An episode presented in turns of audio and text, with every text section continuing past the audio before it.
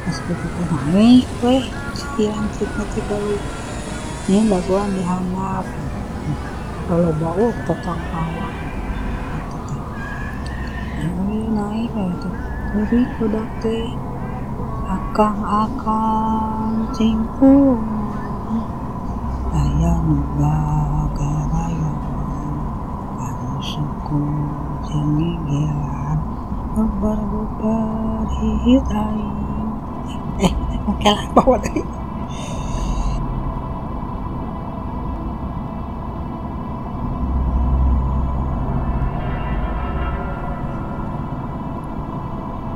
Hari ini, seperti biasa, Marah duduk di sebuah kursi plastik di halaman rumahnya dengan memakai daster dan ciput di kepala.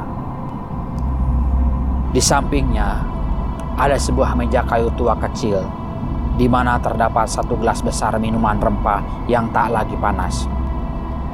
Marah sudah duduk di situ lebih dari satu jam sambil menghadap ke arah jalan. Mimik mukanya seperti menunggu sesuatu datang, tapi juga kadang menggambarkan perasaan heran, kebingungan, sambil terlihat mengingat-ingat sesuatu. Memang, ada yang berubah di sekitarnya. Kini tidak ada lagi tetangga yang tinggal tiga langkah di depan rumah, yang sering mengajaknya ngobrol setiap pagi. Sudah hampir sebulan sejak penggusuran terjadi tatapan marah adalah lalu lalang manusia dan kendaraan di jalan raya. Marah juga beberapa tetangga di samping dan di belakang rumahnya adalah beberapa warga yang beruntung karena tidak masuk dalam rencana politik dari perubahan tata ruang kota. Setidaknya untuk sementara ini. Sebab tidak banyak yang tahu bahwa jalan raya tak hanya menjadi tempat lalu lalang kendaraan, tapi juga rencana-rencana bisnis dan pembangunan yang lain. Sudah dua tahun ke belakang, vaksin virus corona ditemukan di akhir pandemi gelombang ketiga. Tapi baru beberapa minggu lalu, Marah menjadi sering keluar dari rumahnya. Perubahan itu terjadi setelah salah satu anak laki-lakinya datang mengunjunginya sambil membawakan beberapa kayu secang, jahe, kayu manis, serta jenis-jenis rempah yang lain. Melalui anaknya, Marah menitipkan permintaan ingin sering dikunjungi oleh sanak keluarganya yang lain. Maklum, ia memang tidak terlalu mengenal teknologi terkini selain televisi. Marah jarang keluar rumah, bukan hanya menghindari virus corona, tapi juga karena memang sejak kecil Ma'rah selalu dididik ibunya untuk sembunyi di dalam rumah. Jika di luar terjadi mara bahaya, semisal perang, kerusuhan, dan penyakit. Seperti pada proses evakuasi Bandung Lautan Api dari Bandung ke Majalaya, lalu kembali ke Bandung. Ketika Ma'rah baru berumur 2 tahun. Sekarang, walaupun usianya yang hampir 80 tahun akhir, Marah masih terbiasa untuk tinggal dan sembunyi di dalam rumah.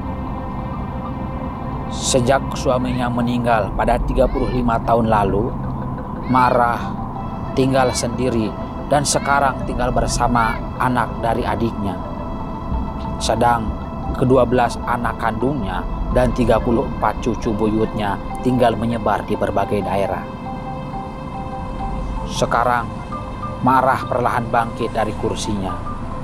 Matanya yang mulai kurang awas melihat dua motor metik masuk. Ya, itu adalah motor cucunya, Ati dan suaminya, dan dua anaknya, Lulu dan Ajwa.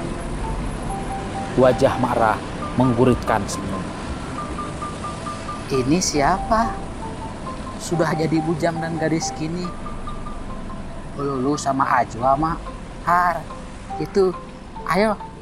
Ah, masuk, masuk, ayo, ayo. Ati, Indra suaminya, Lulu dan Ajwa tertawa-tawa. Marah masuk pertama ke dalam rumah. Mereka kemudian bercengkrama, orang tua Ati, anak dari adiknya, yang tinggal bersama Marah juga ikut bergabung sambil membuka makanan yang dibawa. Mak, cerita dong. Kangen.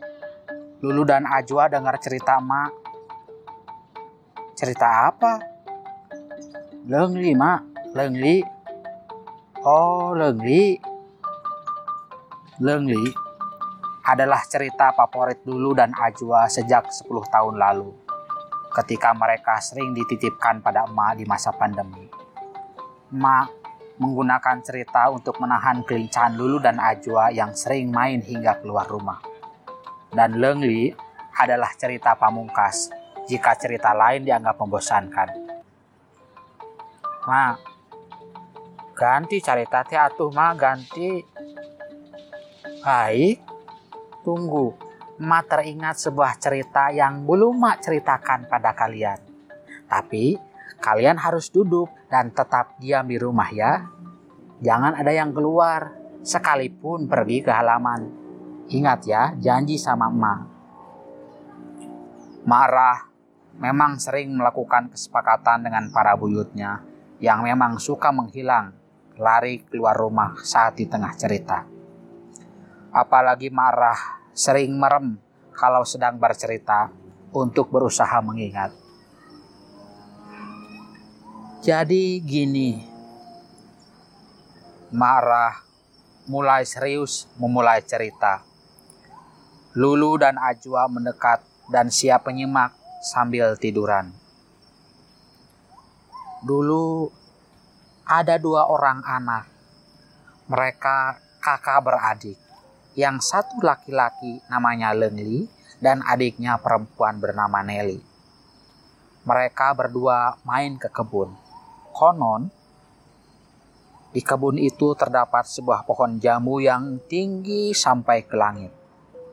Tapi orang tuanya selalu bilang, anak-anak dilarang mendekati atau manjat pohon itu karena tinggi. Meskipun pohon jambu itu buahnya sangat enak dan lezat. Akan tetapi, mereka tetap saja main ke kebun.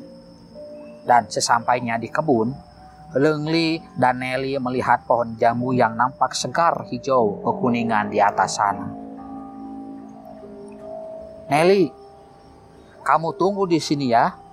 Aku mau jambu itu. Kamu mau juga kan? Sepertinya sangat enak dan segar. Ya, mau, mau. Tapi kan ibu dan bapak sudah bilang, kita nggak boleh naik ke pohon itu. Ah, tidak apa-apa. Mereka itu hanya nakutin-nakutin kita saja. Kamu tunggu di sini selagi aku naik ya. Iya. Ah, kamu tunggu di bawah ya. Kalau ada apa-apa, panggil aku dan jangan takut. Iya. Lengli naik ke atas pohon jamu yang sangat tinggi itu dengan cekatan. Tapi sebelum banyak mengambil buah, Nelly memanggil. Lengli, lengli. Ya naon. Gagara nyaman karena suku. Pukul saja, cuma semut. Lengli menenangkan sambil terus mengambil buah.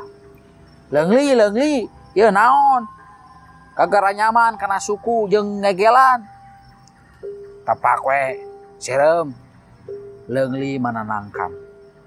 Lengli, lengli, e naon. Gagara nyaman karena suku jeung egelan. Tapak we, sirem. Lengli menenangkan. Lalu seketika hening. Nelly tak terdengar lagi suaranya. Dan ketika hendak mau turun dari pohon, membawa jambu, Lengli terkejut melihat ular yang sangat besar. Nelly, Lengli terkejut. Nelly telah ditelan oleh ular besar. Ular besar itu terlihat kenyang. Perutnya membesar karena tubuhnya memberat. Ular pun terdiam dan tertidur kekenyangan. Lengli hanya bisa menangis di atas pohon sembari menyaksikan ular tertidur lelap memakan adik kesayangannya. Nelly, adikku.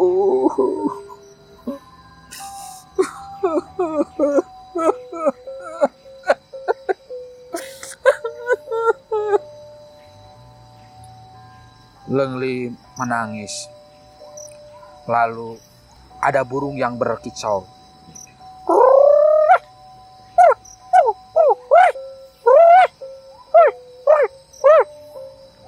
Burung itu berkicau. Lengli ingat ada daun turih yang tajam. Lalu sembari berhati-hati, Lengli perlahan turun dari pohon dan segera mengambil daun erih di semak-semak. Dengan menahan takut, Lengli membelek perut ular besar itu dan mengeluarkan isinya. Ternyata adiknya sudah remuk kerdam, jadi potongan-potongan tulang dan dagingnya hancur. Lalu entah dari mana muncul seorang kakek dan memberinya kain serta hihin atau kipas kayu.